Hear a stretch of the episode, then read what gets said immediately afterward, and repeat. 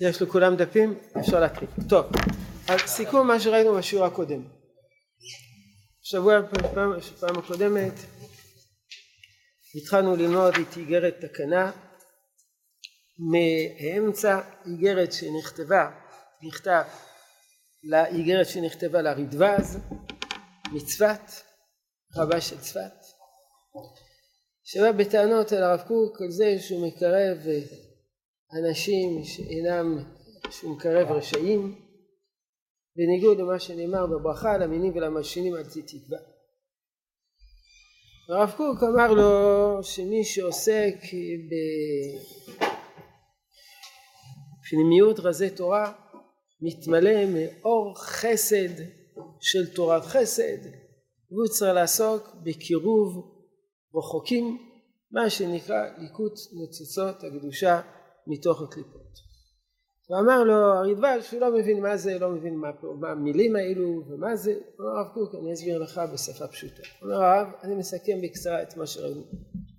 הרב קוק כותב שהקדושה בעם ישראל בנויה משתי קומות, קומה אחת סגולית, קומה אחת בכירית. הצד הסגולי זה צד אלוקי שאיננו יכול להתבטל בשום פנים ואופן כי זאת יצירה אלוקית.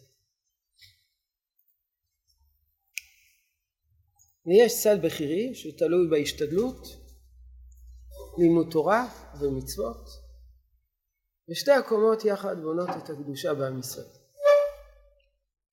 הצד הסגולי, אומר הרב, הוא יותר גדול מהצד הבכירי.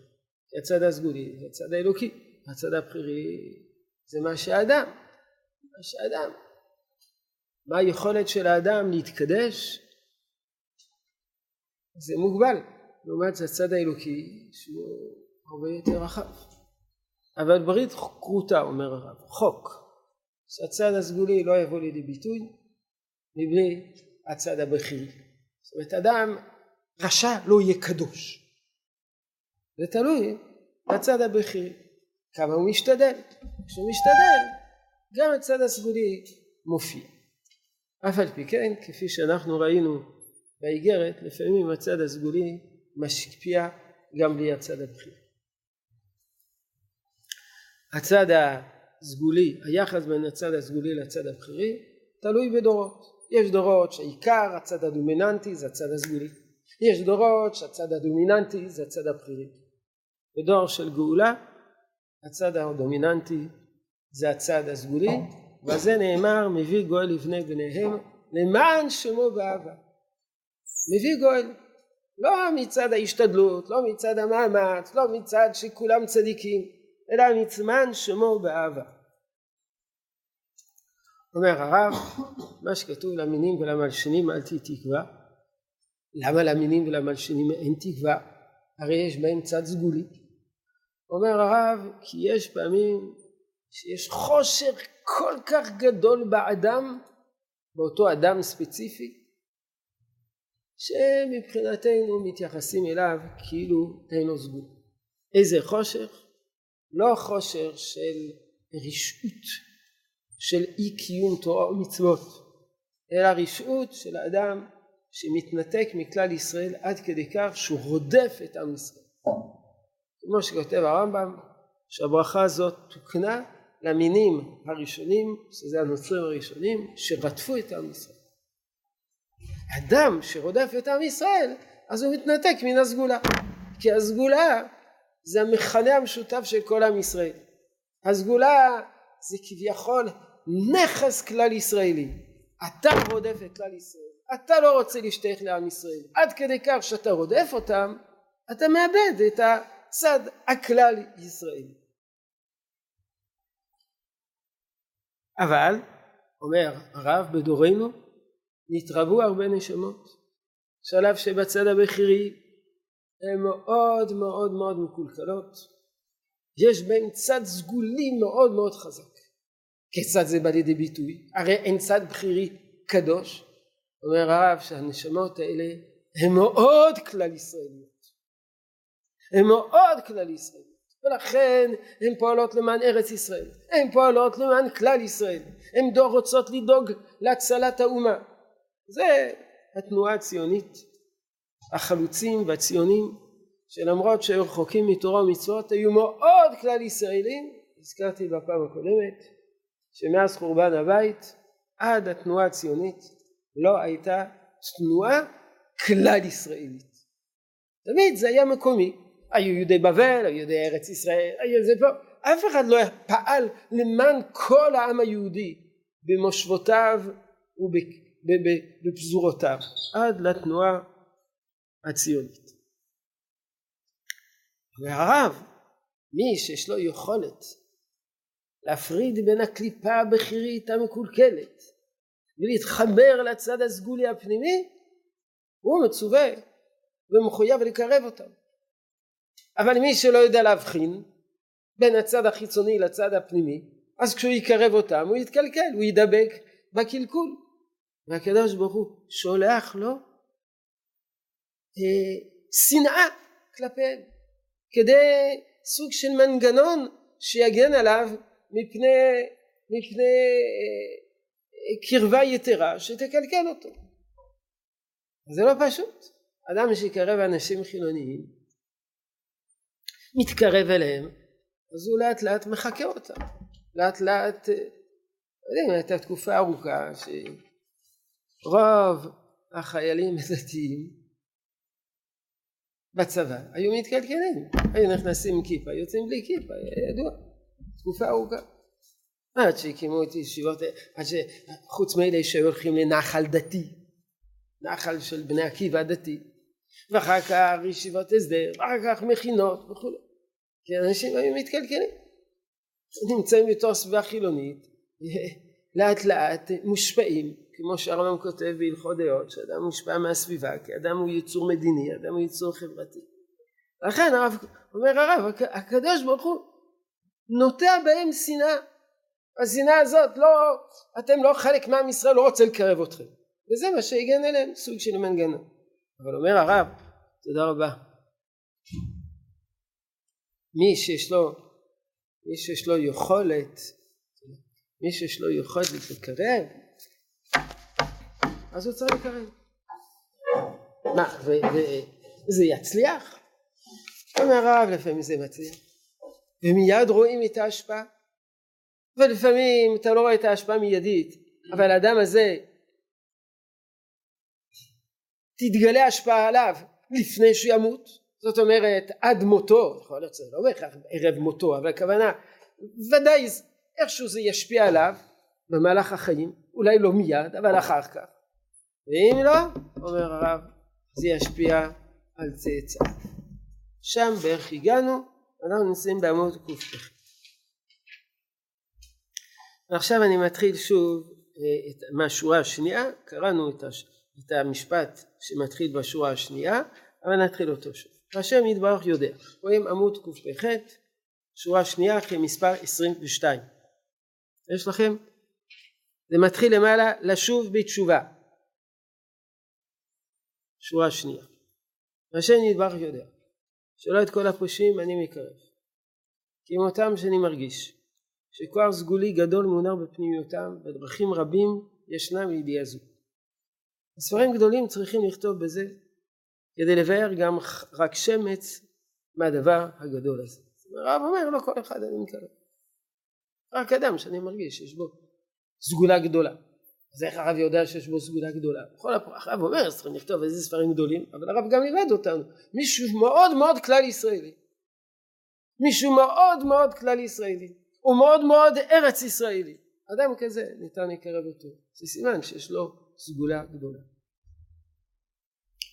אבל אותם שכבר איבדו גם את הסגולה הפנימית שלהם לגמרי אמר דוד המלך עליו השלום הלא משנאיך השם ישנא תמיד בוויכוחים, כל הפחות בצעירותי, עם החרדים ביחס לחילוניים, תמיד היו אומרים, משנאיך השם ישנא, אסור לקרב את החילוניים, צריכים לשנוא אותם, צריכים להתרחק מהם, וכותבים מאמרים שלמים, הרבי מסטמר כתב על זה ספרים שלמים, על הלא משנאיך השם ישנא, שצריכים לשנוא את כל החילונים.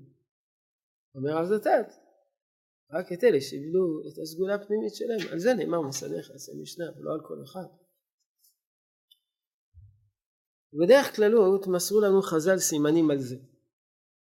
אבל אותם הסימנים בדרך כלל היו בונים. הרמב"ם כותב, כותב כל מיני סימנים, מי, את מי, מי ראוי להרחיק, הנה אומר הרב, מי זה? המינים והכופרים, על פי רוב, איבדו גם את הסגולה הפנימית. ולכן הרמב"ם כותב שהמינים והכופרים הם לא חלק מעם ישראל. המינים זה בעלי אמונות זרות, הכופרים זה אלה שכופרים בקדוש ברוך הוא. אז האם נסיק מכאן שהחילונים שהם כופרים הם איבדו את הסגולה הפנימית? אומר הרב מידה זו נוהגת ברוב הדורות שהמינים והכופרים איבדו את הסגולה הפנימית אבל דור שלי כבד המשיכה הם יוצאים מכלל זה שהם כדברי תיקוני זוהר טוב מלגב ומיש מלבב. כתוב בתיקוני זוהר שדור כבד אדם משיכה הוא ביש רע מבחוץ וטוב מבפנים. זאת אומרת שאתה לא יכול לקבוע על פי סממנים חיצוניים את מה שקורה בפנימיות. ברוב הדורות ההתנהגות החיצונית או האמונות, האמונה המוצהרת, דהיינו מלבר לימד על מלגב. מי שיביש מלבר, סביר להניח שגם היביש מלגב. ולכן מי שיאמין וכופר, ביש מלבר, סביר להניח שהוא גם ביש מלגב. ולכן חז"ל אומרים שכופרים ומינים מורידים ולא מעלים. זה הכל. פשוט מורידים ולא מעלים. מורידים ולא מעלים, הכוונה מורידים אותו בתוך בור ולא זורקים לו חבל ולא סולם וזהו זה.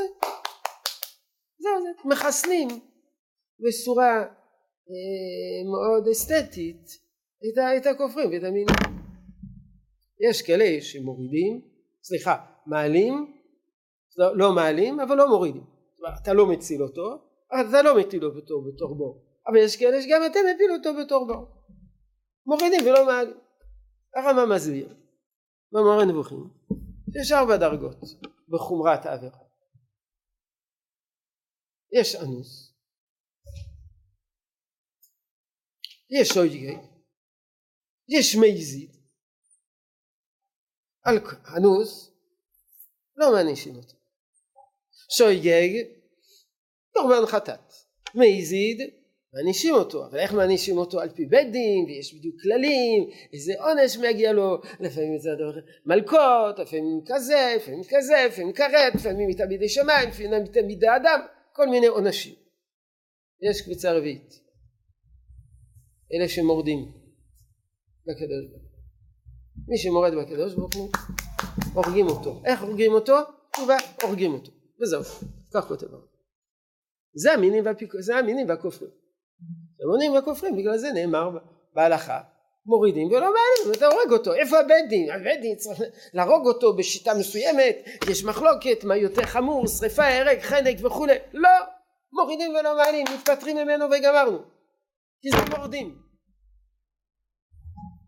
אז המורדים שזה המינים והכופרים זה, זה החילונים הם מינים וכופרים. אומר הרב זה, זה, זה, זה, זה לא נכון בעבר המינים והכופרים, כלומר בעצם הרב אומר חידוש חידוש להלכה שהוא בעצם חידוש אמוני. שהמורד, הסיבה שהורגים אותו זה לא בגלל שהוא מורד, אלא אם הוא מורד זה סימפטום, סימן שהוא איבד את הסגולה הפנימית. אבל אם יהיה מין וכופר, הוא מורד כזה, שהוא לא איבד את הסגולה הפנימית אז לא הורגים אותו. אז בכל הדורות אומר הרב בדרך כלל מין וכופר איבד את הסגולה אז הורגים אותו. הוא לא חלק כבר מאיתנו. אנחנו לא מחויבים לשמור אותו לא חייבים להגן עליו לא חייבים להציל אותו לא חייבים לקרב אותו לא חייבים לאהוב אותו ולא כלום. אבל בדור שהוא עקבתא דמשיחא שזה ביש מדבר ותו מלגב אז משהו מין וכופר זה לא זה לא מעיד על פנימיותו. ולכן לא רק שלא מורידים ולא מעלים לא רק זה אלא אפילו מקרבים אותו. זה מה שעובר עוד פעם. והמינים והכופרים על פי רוב איבדו גם את הסגולה הפנימית. ומידה זו נהגה ברוב הדורות הדור של עקבתא דמשיחא הם יוצאים מכלל זה. שהם כדברי תיקוני זוהר טוב מלגב ומלביש מדבר. והם חמורו של משיח. שנאמר עליו אני ורוכב על חמור. אני ורוכב על חמור פירושו דבר שהמשיח הוא אני ורוכב על חמור טוב אז כל הערבים כפיה הוא ספק משיח אני ורוכב על חמור. אז מסתבר שאני ורוכב על חמור זה סוג של משל. יכול להיות שהמשיח יגיע עם מכונית אה, ספורט ולאו דווקא על חמור. אה, אלא הכוונה שהמשיח רוכב על כלל ישראל שהוא מבחינת חמור. זה הכוונה חמורו של משיח. ומה זה חמורו של משיח? הכוונה כמו חמור שמבחוץ יש בו שני סימני טומאה יותר מחזיר ויותר מגמל. אם כן הטומאה בולטת בו יותר מבחזיר וגמל וכיוצא בהם שיש בהם סימן טרה אחד על כל פנים. ומכל מקום יש בו בחמור עניין קדושה גם כן שרוי קדוש בבכורה פטר חמור. עניין זה ועניין מה שהתורה אמרה עליו על זה על פטר חמור שם קדש לי הוא גדול מאוד מאוד.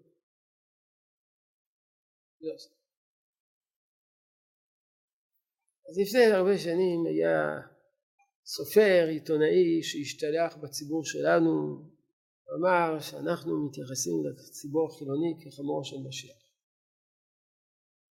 אז אנחנו, אנחנו, אנחנו מתנסים עליהם הם חמורו של משיח.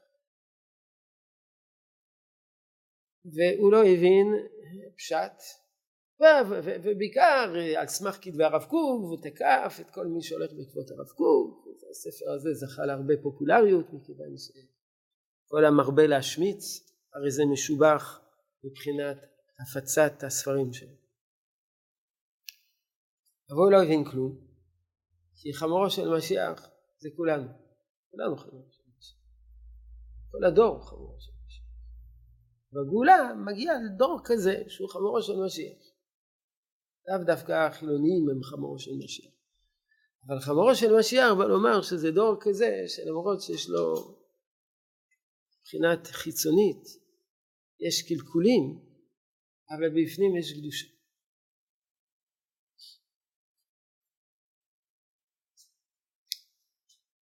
ולהם, אומר הרב, יש תרופה. להם יש תרופה. כן. להם יש תרופה. אה סליחה דילגתי. וכן הן הנשמות של אותם שהסגולה הישראלית לבדה מתגלה בהם בקפתה דמשיחא. שמבחינת חמור של משיח. ולהם יש תרופה. אף על פי שיש בהם סירחון גדול וחושר רב וכבד מאוד. אמר על זה אמר רב יוסף יתה ועסקא דייתא ותולא דקופיא דחמו כתוב בגמרא במסעת סנהדרין דף שעוסקת בחבלי משיח חבלי משיח הכוונה כל המשברים וכל הקשיים שיהיו בתקופות המשיח אז יש חלק מהמורים אמרו יתה ולא אחמינה שבוע המשיח ולא רוצה לראות אותו למה? בגלל שזאת תהיה תקופה כל כך קשה או כל כך מורכבת, עם כל כך הרבה קשיים, ועם כל כך הרבה ייסורים, יהיה איתי יבוא המשיח, ולא אחמינה, ואני לא רוצה לראות אותו. לשון אחרת זה טוב מאוד, אבל לא בשבילי. ורב יוסף אומר, ויש כאלה שאומרים, יתה ואחמינה, שיבוא המשיח ואני מוכן להיות שם, אראה את המשיח. ויוסף אמר, אני מוכן שיבוא המשיח, יתה, ואזכה אפילו אזכה, דאיתב שאשב בצל הגמלים של חמורו של המשיח. וכופית ידי חמור, הגללים של חמורו של המשיח. אז מה זה, מה, מה, מה זה כופית ידי חמור? דבר ראשון, קופיתה זה גללים. גללים זה מסמל סירחון. ולשבת בצל פירושו של דבר שיש צל, יש חושך, זה מה שהרב כתב לפני כן. ולהם יש תרופה, אף על פי שיש בהם סירחון גדול, וחושך רב וכבד מאוד. זה הצל והסירחון. יש לא רק חבלים, חבלי משיח שזה קושי, נקרא לזה לאומי, עימות עם אומות העולם שמסביב, אלא בעיקר משברים רוחניים. קשיים רוחניים גדולים. מאוד. אנשים שקמים ואנחנו אומרים אני ארץ ישראל ואני מחובר לעם ישראל מחובר לארץ ישראל אבל מבחינתי ש, ש, שתסלקו את היהדות מן הרחוב. לא כל מי שאומר לא כל מי שדורש לסלק את היהדות מן הרחוב הוא דווקא רוצה מדינת כל אזרחיה. דבק מישהו אמר לי ש, ש, ש, שמחת תורה אחר הצהריים היו מתוכננים שלושה אוטובוסים לצאת מבארי, קיבוץ בארי המפורסם, כדי ללכת להפגין נגד ראש יהודי שמארגן אה, הקפות שניות בתל אביב. מלחמה נגד תורה. לא רוצים לראות תורה ברחובות. ומאידך זה אנשים שישבו שם ודפקו בקיבוץ שלהם למרות שהם היו ליד הגבול ומדי פעם חטפו. וחלקם זה אנשים שמאוד נאמנים לארץ ישראל ומאוד רוצים להיות מחוברים לארץ ישראל. עכשיו בימים האלה רואים כל מיני אנשים מקיבוץ בארי שחוזרים לשם רוצים ונוטעים שם ו- ו- ורוצים להשתתף ב- ב- ב- בזריעה החדשה של, של השדות שלהם בבארי אז מצד אחד יש סירחון גדול וחושר גדול. מצד שני הם חמורו של משיח הם אלה שמביאים את הגאולה הם אלה שמקדמים את הגאולה. אותו חמור של המשיח יש בו סירחון גדול ויש בו, ויש בו צל גדול. יש תפיסה שאומרת שהמשיח יבוא כולם יהיו צדיקים. לא. המשיח זה חמור. מלא סירחון ומלא חושך וזה מה שמביא את הגאולה לארץ ישראל.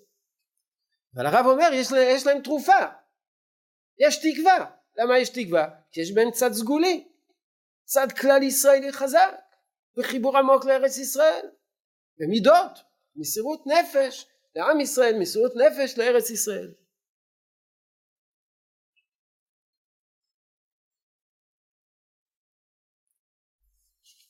תסתכלו בדף שקיבלתם, שלא קיבלתם.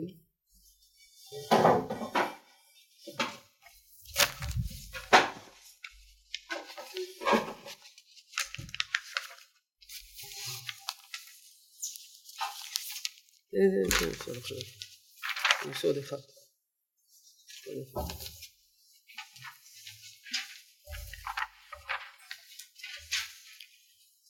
הצד שכתוב בו למעלה מאמרי הראייה עמוד 99 מספד בירושלים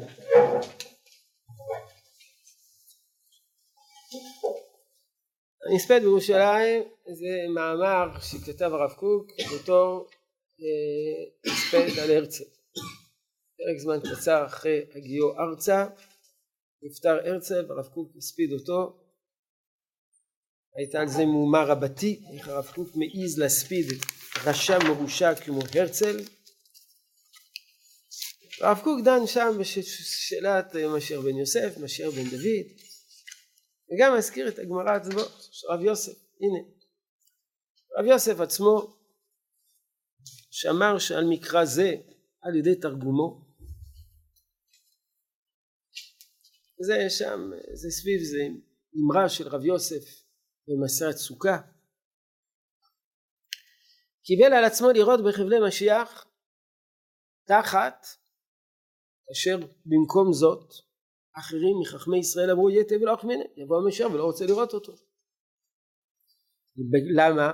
בגלל תגבורת החבלים הרוחניים בגלל שיהיו כל כך הרבה חבלים רוחניים אז בגלל זה אמרו אנחנו לא רוצים להיות שם לא בטוח שנעמוד בזה. שבכך יבוא בתגבורת התביעות לבצר את החומריות שנעזבה הרבה במשך הגלות. בוודאי הרבה משברים מוכנים למה? כי אחרי אלפיים שנות גלות שבה לא עסקנו בחומריות שבים לארץ ישראל. וזה כמו קפיץ שמשתחרר שכשהוא משתחרר הוא משתחרר מעבר, ל... מעבר למה שצריך. אלפיים שנה עם ישראל לא עסק בחומריות עכשיו נפתחת האפשרות לעשות בחומריות. שוקים בתוך החומריות. טובים בתוך החומריות. זה כמו ילד קטן אם יגידו לו במשך חודש אסור לו לאכול סוכריות באותו יום שתראו לאכול סוכריות הוא יבלע את כל החנות. את כל החנות. במשך אלפיים שנה אי אפשר לעסוק בחומריות. עם ישראל לא יכל לעסוק בחומריות. עכשיו שווים לחומריות שוקים בתוך החומריות טובים בתוך החומריות אומר רבי זצ"ל זה כמעט כמעט תופעה תופעה כמעט מחויבת כמעט מחויבת. זה מה שאומר שבהכרח יבואו בכך יבואו המשברים הרוחניים. למה? בגלל תגבורת התביעות לבצר לחזק את החומריות שנעזבר במשך הגלות שעיקרו בא לחזק ולהציל את הרוחניות זה כבר קשור למאמר הדור שהרב זצ"ל אומר שבלי חומריות אז גם הרוחניות לא מחזיקה מעמד. היא צריכה בסיס היא צריכה אה, כלי שבה רוחניות תופיע. בלי חומריות אז רוחניות נראית מסכנה נראית עלובה לא משכנעת לא עוצמתית, לא מקרינה, הרוחניות מבססת על חומריות, אז זה, זה הרוחניות שמרשימה, שאולי עמים ירצו ללכת בעקבותיה ואז נוכל להיות אור לאומים. כאשר עם ישראל נרדף הוא כמו עלה נידף, עני וסובל חרפת רעב, קשה להיות אור לאומי. כן אמר יתה ועסקא דאיתא ותולא דקופיתא דחמרי חמרה? מה זה חמרה? הנטייה לענייני החומר הלאומי. הוא גם כן מחשיך ומונע לפי המצב הנהוג את ההתעלות הרוחנית. זה נקרא לשבת בצל זה מחשיך. אמנם אם לא הייתה נטייה יוצאת בזב גדול כלומר נטייה לחומריות הייתה יוצאת בצורה קיצונית עד כדי להתפשט בנטייה חומרית יתרה ובלתי הגונה כלל ישראל היה נוח לקבלה ואם לא הייתה ולא הנטייה הקיצונה לא היה רוח התורה מאיר כלל ולא הייתה יוצאת התנגדות חוצפנית על יסודה של תורה לבקש לשמות עינו של עולם. כלומר אם לא הייתה הגזמה בצד החומרי אז זה לא הייתה התנגדות לתורה. אבל כתוצאה מזה שהכמיהה לחומריות וה, וההתמכרות לחומריות היא כל כך גדולה אז היא יוצרת התנגדות לתורה. אבל הקופתא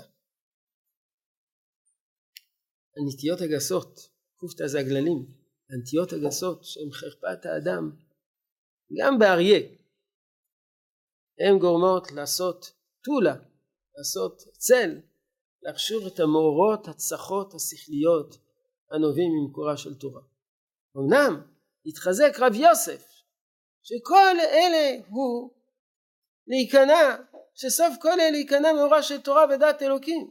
כלומר הוא היה אומר זה יחלוף. לא להיבהל. לא להיות פסימיים. לא יחשוב שהדור הזה שיש בו כל כך הרבה חומריות וכל כך עוסק בעניינים ומחפש נהנתנות וחומריות הדור הזה הוא אבוד. לא.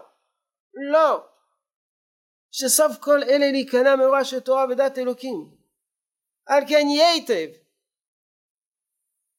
מוכן לשבת בצל קופתא דחמרי ובעצם חושך הצל השית כליל צליל בתוך צהריים ידליקו נר מצווה ואור תורה ומעט מן האור דוחה הרבה מן החושך. יפר גם כן הרע לטוב, והכללה לברכה. על כן אמרו בזוהר, ספר בראשית, פרשת בראשית, דרב מטיפתא אשר בהיכלא דמשיחא אמר. ראש הישיבה בהיכל המשיח אמר מאן דלא הפיך מרירה למתיקה וחשוכה לנאורה לא יתר.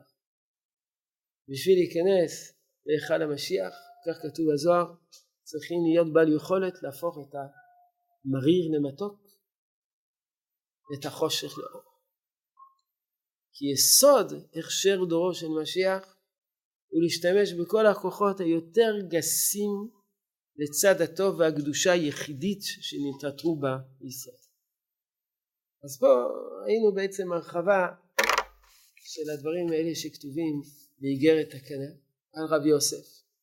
לכן אומר הרב בסדר זה חמורות חמורו של משיח אבל זה הדור זה הדור שמביא את הגאולה זה הדור שמביא את המשיח. ממשיך הרב עוד במסגרת תקנה. מדבר קצת על הבחינה המיוחדת של רב יוסף. אני לא ארחיב את הדיבור אבל תבינו את זה לבד.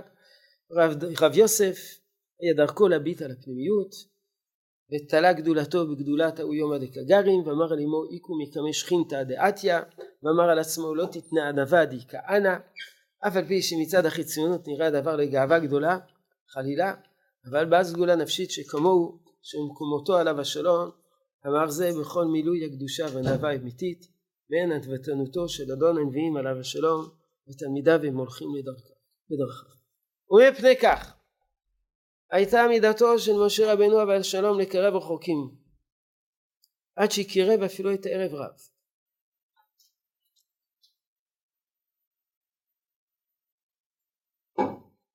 ואף על פי שזה גרם אריכות הגלות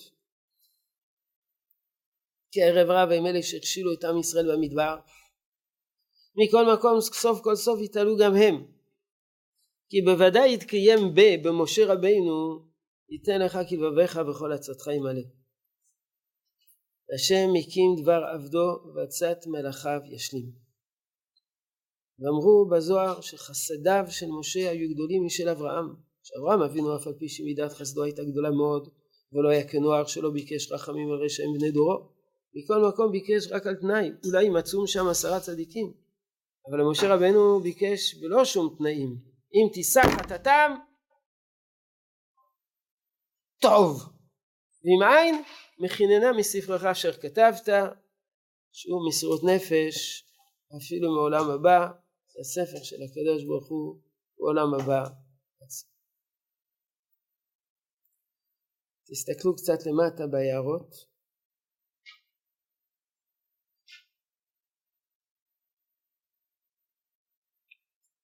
נתחיל נניח מהערה 26 תיקונים מזוהר. 27 גבורת השם. 28 שאר הפסוקים זה הארי חיים ויטל. 35 מדרשים 36 זוהר. מהר"ל נשמת חיים. הדברים האלה יסודם בפנימיות התורה אז פעמים הרב אה, כותב אותם כאילו זה ניתוח חברתי. ולפעמים הרב כותב את המקורות.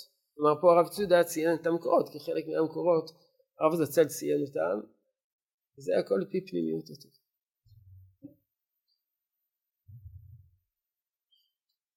האם הדברים האלה כל כך פשוטים?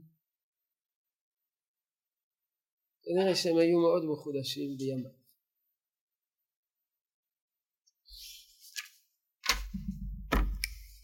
בדף, אחרי הקטע ממאמרה הראיה, יש מכתב של אדמו"ר מגור האמרי אמת. אדמו"ר מגור, חסידים. כולנו שחסידים, יש אצלם הרבה אהבת ישראל וכו'. עוסקים בפנימיות התורה. אדמו"ר מגור בא לארץ, אדמו"ר מגור עמד בראש אגודת ישראל. ובארץ היה מחלוקת עם הרב קוק, כמובן קיבל את כל הלשון הרע על הרב קוק שהיה בחוץ לארץ. שלא סיפרו לו שהרב קוק זה רב מודרני. ודאי תיארו אותו עם כובע טמבל במכנסיים קצרות, למרות שהרב קוק הסתובב כל הזמן עם שטריימל, נראה כמו רב אה, ליטאי או חסידי קלאסי. האדמו"ר מגור פגש את הרב קוק והתפעל מהצדקות שלו והמגדות שלו בתורה אבל לא הסכים איתו בכלום מבחינה רוחנית. והנה פה המכתב כשאדמו"ר מגור חזר לחוץ לארץ מהמסע שלו בארץ ישראל הוא כתב מכתב שבו הוא מתאר את המפגש שלו עם הרב קוק והוא כותב אי אלו דברים על כך והנה כאשר רציתי להשתדל בדבר חיזוק האגודה האגודה הכוונה אגודת ישראל מוכרתי שמניעת ההתרכזות והתרחבות של אגודת ארץ שבארץ ישראל בירושלים הוא כמנהלי אגודה בשם נמשכו בראשם ורובם במחלוקת הרבנים. כלומר הפעילים המרכזיים של אגודת ישראל בירושלים נכנסו למחלוקת נגד הרב קוק אז בגלל זה אנשים לא רוצים להצטרף לאגודת ישראל. וממילא האנשים שחפצים להיכנס במחלוקת אינם יכולים לומר בין אנשי אגודה. ומכל שכן אותם אנשים המחזיקים והרב הגאון רב אברום קוק שיחיה. גם כי יצאו לפניי מאלו האחרונים שעשו גאודת של ארץ ישראל בפני עצמה. אז אמרו נקים נשאיר את אלה עם אגודת, אגודת ישראל הכללית ובוא נעשה נקום, נקים סניף חדש של אגודת ישראל שיכול להיות מחובר לרב קוק ולא לא נכנס למחלוקת. עם כל זה לא יכולתי ליתן הסכמתי על זה להיות אגודות אגודות בתוך ירושלים בין החרדים. אגודת ישראל ועוד אגודת ישראל זה נקרא אגודות אגודות או אגודה אגודה.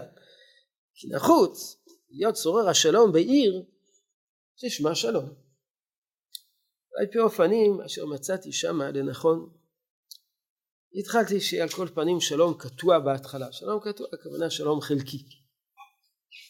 והנה בחוץ לארץ היה מושג בציור אחר ממה לא ממת אלא ממה שהוא באמת. על פי הידיעות היה נחשב הרב הגאון הרעק. הרב, הרעק זה הרב אברהם קוק שיחיה. לא ידע שקוראים לו אברהם יצחק קוק הראיה קוראים לו הרעק כאילו היה רב נאור ורודף שלמונים לא מה שעניין את הרב קוק זה כסף יצאו נגדו בחרמות וגילופים וגם מערכות העיתונים היוד היד והדרך הביאו לפנים ידיעות אלו שיצאו מצד אחד. אולם לא זה הדרך לשמוע רק מצד אחד, יהיה מי שיהיה. הרב הגאון רב אברום קוק שיהיה, שיחיה, הוא איש האשכולות בתורה ומידות תרומיות. נקודה. הנקודה צריכה לבוא אחרי התו, והתו צריכה להיות דבוק לאות ו'. ומידות תרומיות, נקודה. גם רבים אומרים, הוא שונא בצע. אולם אהבתו לציון עוברת כל גבול.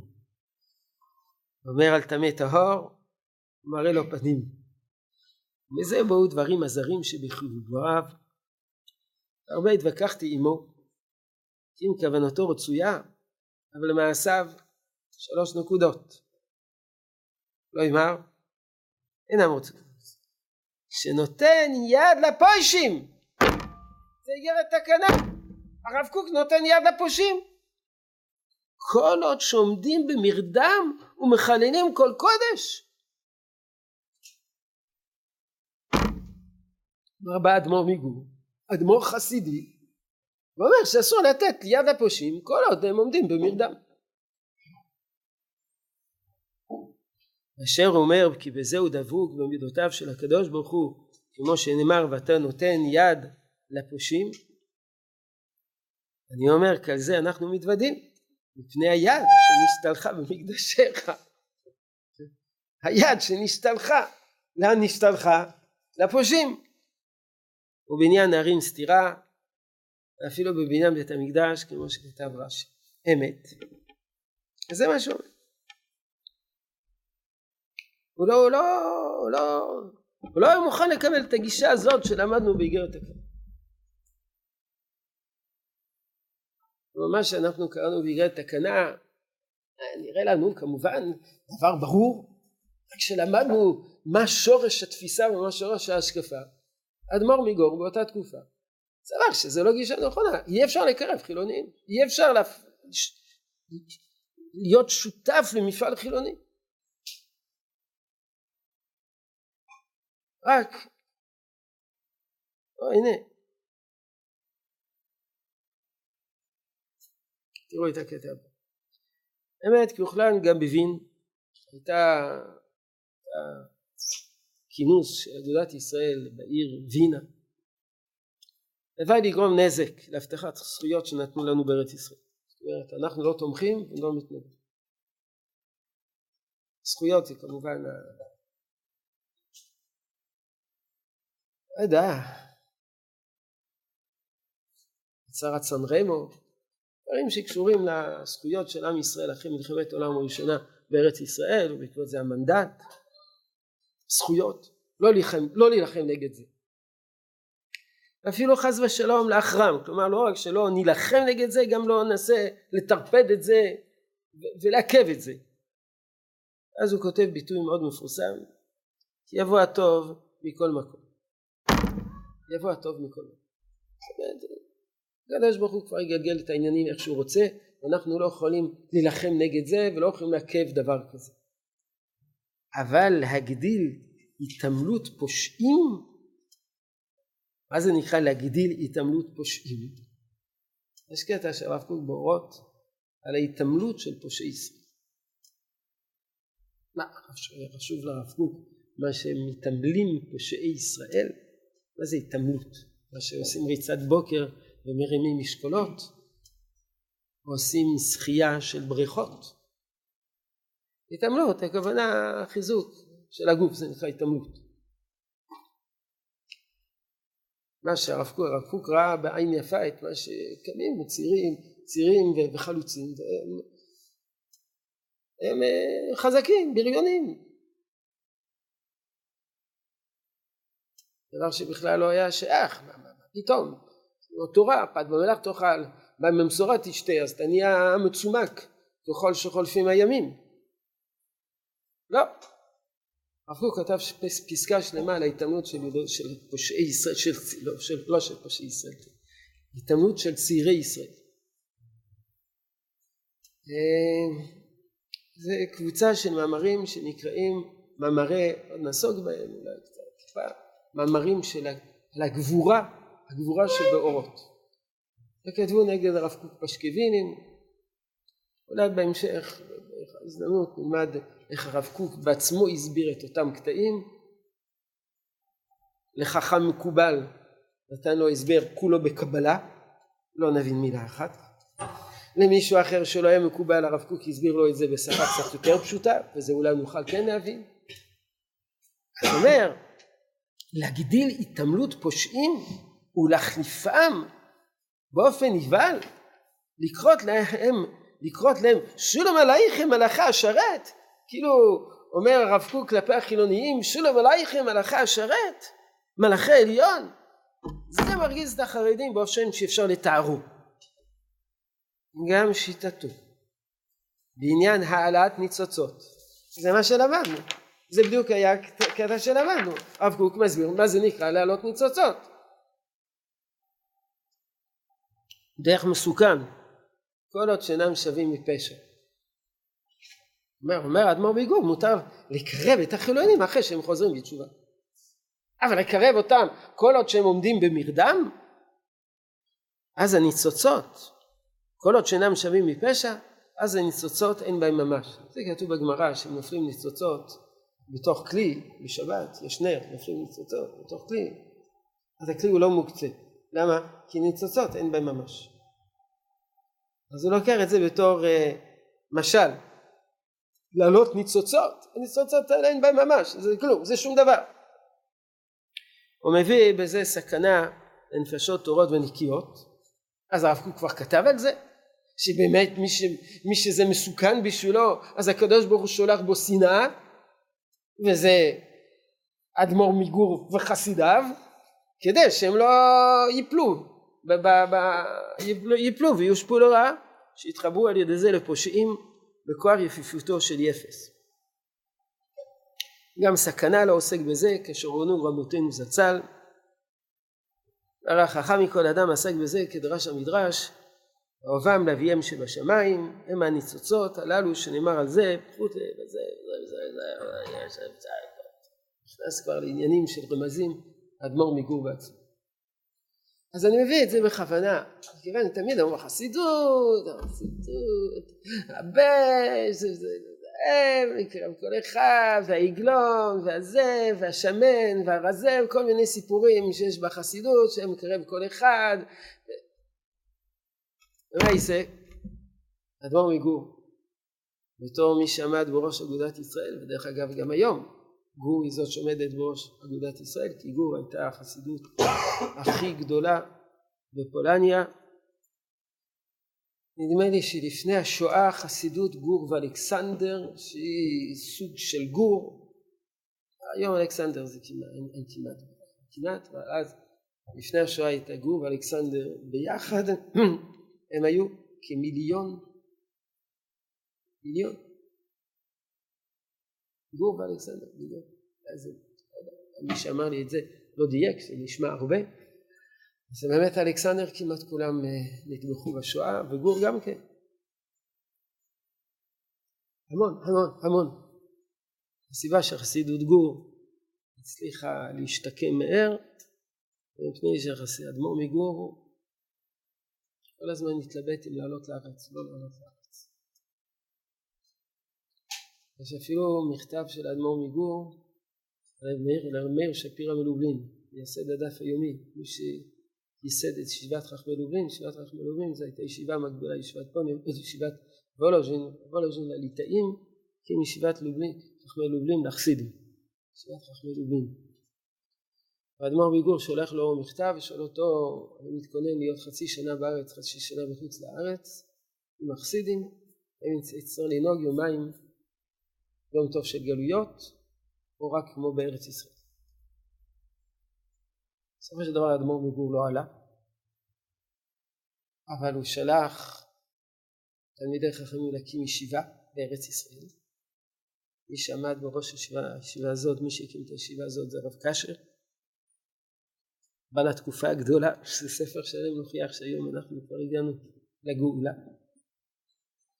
בנוסף לזה אדמו"ר מגור קנה המון המון המון אדמות בארץ ישראל וזאת הסיבה שאדמו"רי גור עשירים מופלגים. הוא קנה המון אדמות בארץ ישראל בגלל uh, תפיסה של יישוב הארץ, אה, בכל uh, אופן הם היו יותר מחוברים. האדמו"ר הקודם, לא הנוכחי, הוא היה מאוד מחובר לענייני ארץ ישראל, האדמו"ר הנוכחי פחות. זה סיפור אחר, האדמו"ר הנוכחי. אה, זה כנראה גם הרקע לכל המחלוקת הזו שיש בתרגום. לא, לא סביב ענייני ארץ ישראל, אלא כל ההנהגה הנוכחית של האדמו"ר. אה, בכל אופן, גם האדמו"ר אמרי אמת, שפגש את הרב יש דרך אגב סיפור מאוד מעניין על האדמו"ר אמרי אמת והרב קוק, שהרב קוק בשבת על שולחנו היו שני ספרים שפת אמת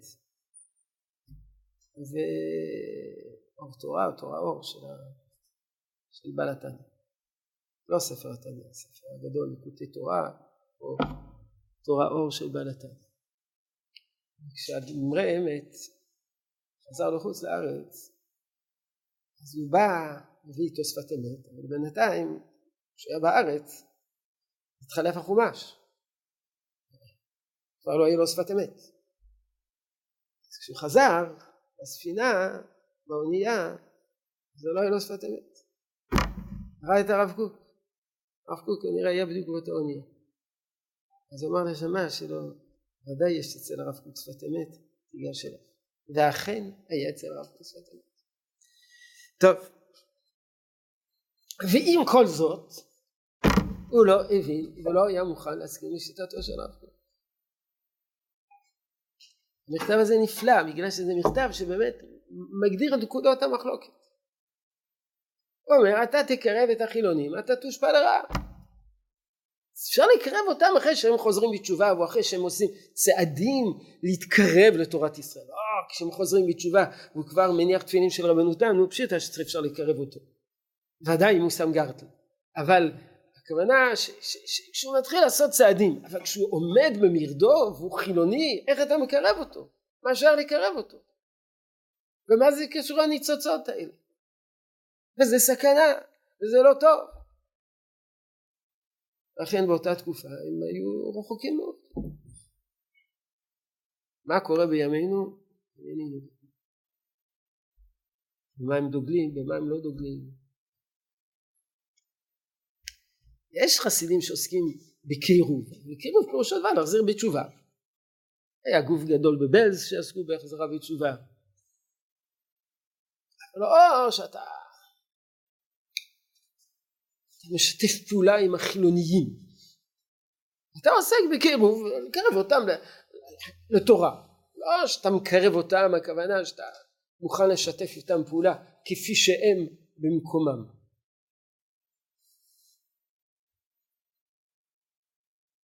קבוצה עוד יותר קיצונית, וזה הקבוצה של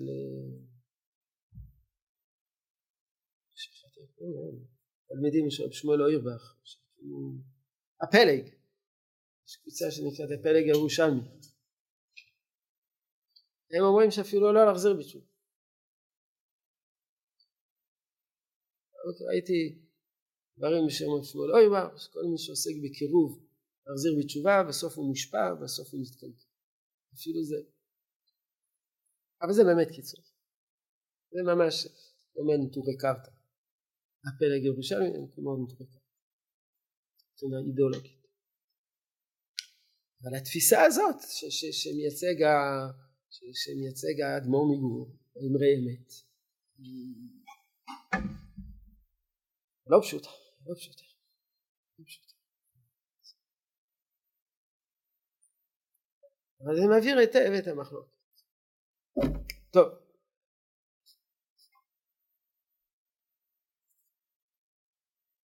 אני רוצה להוסיף עוד משפט אחד, את המשפט הזה נעסוק בעזרת השם בהרחבה בשבוע הבא.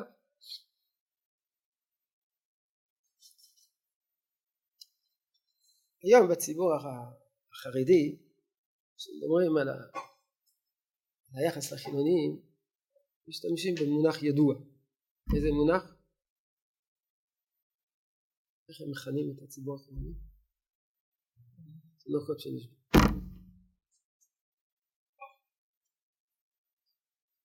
הפוך, דבר על החילונים שבימיו מאות פעמים פעם אחת הוא מזכיר דרך אגב של תינוקות שנשבו.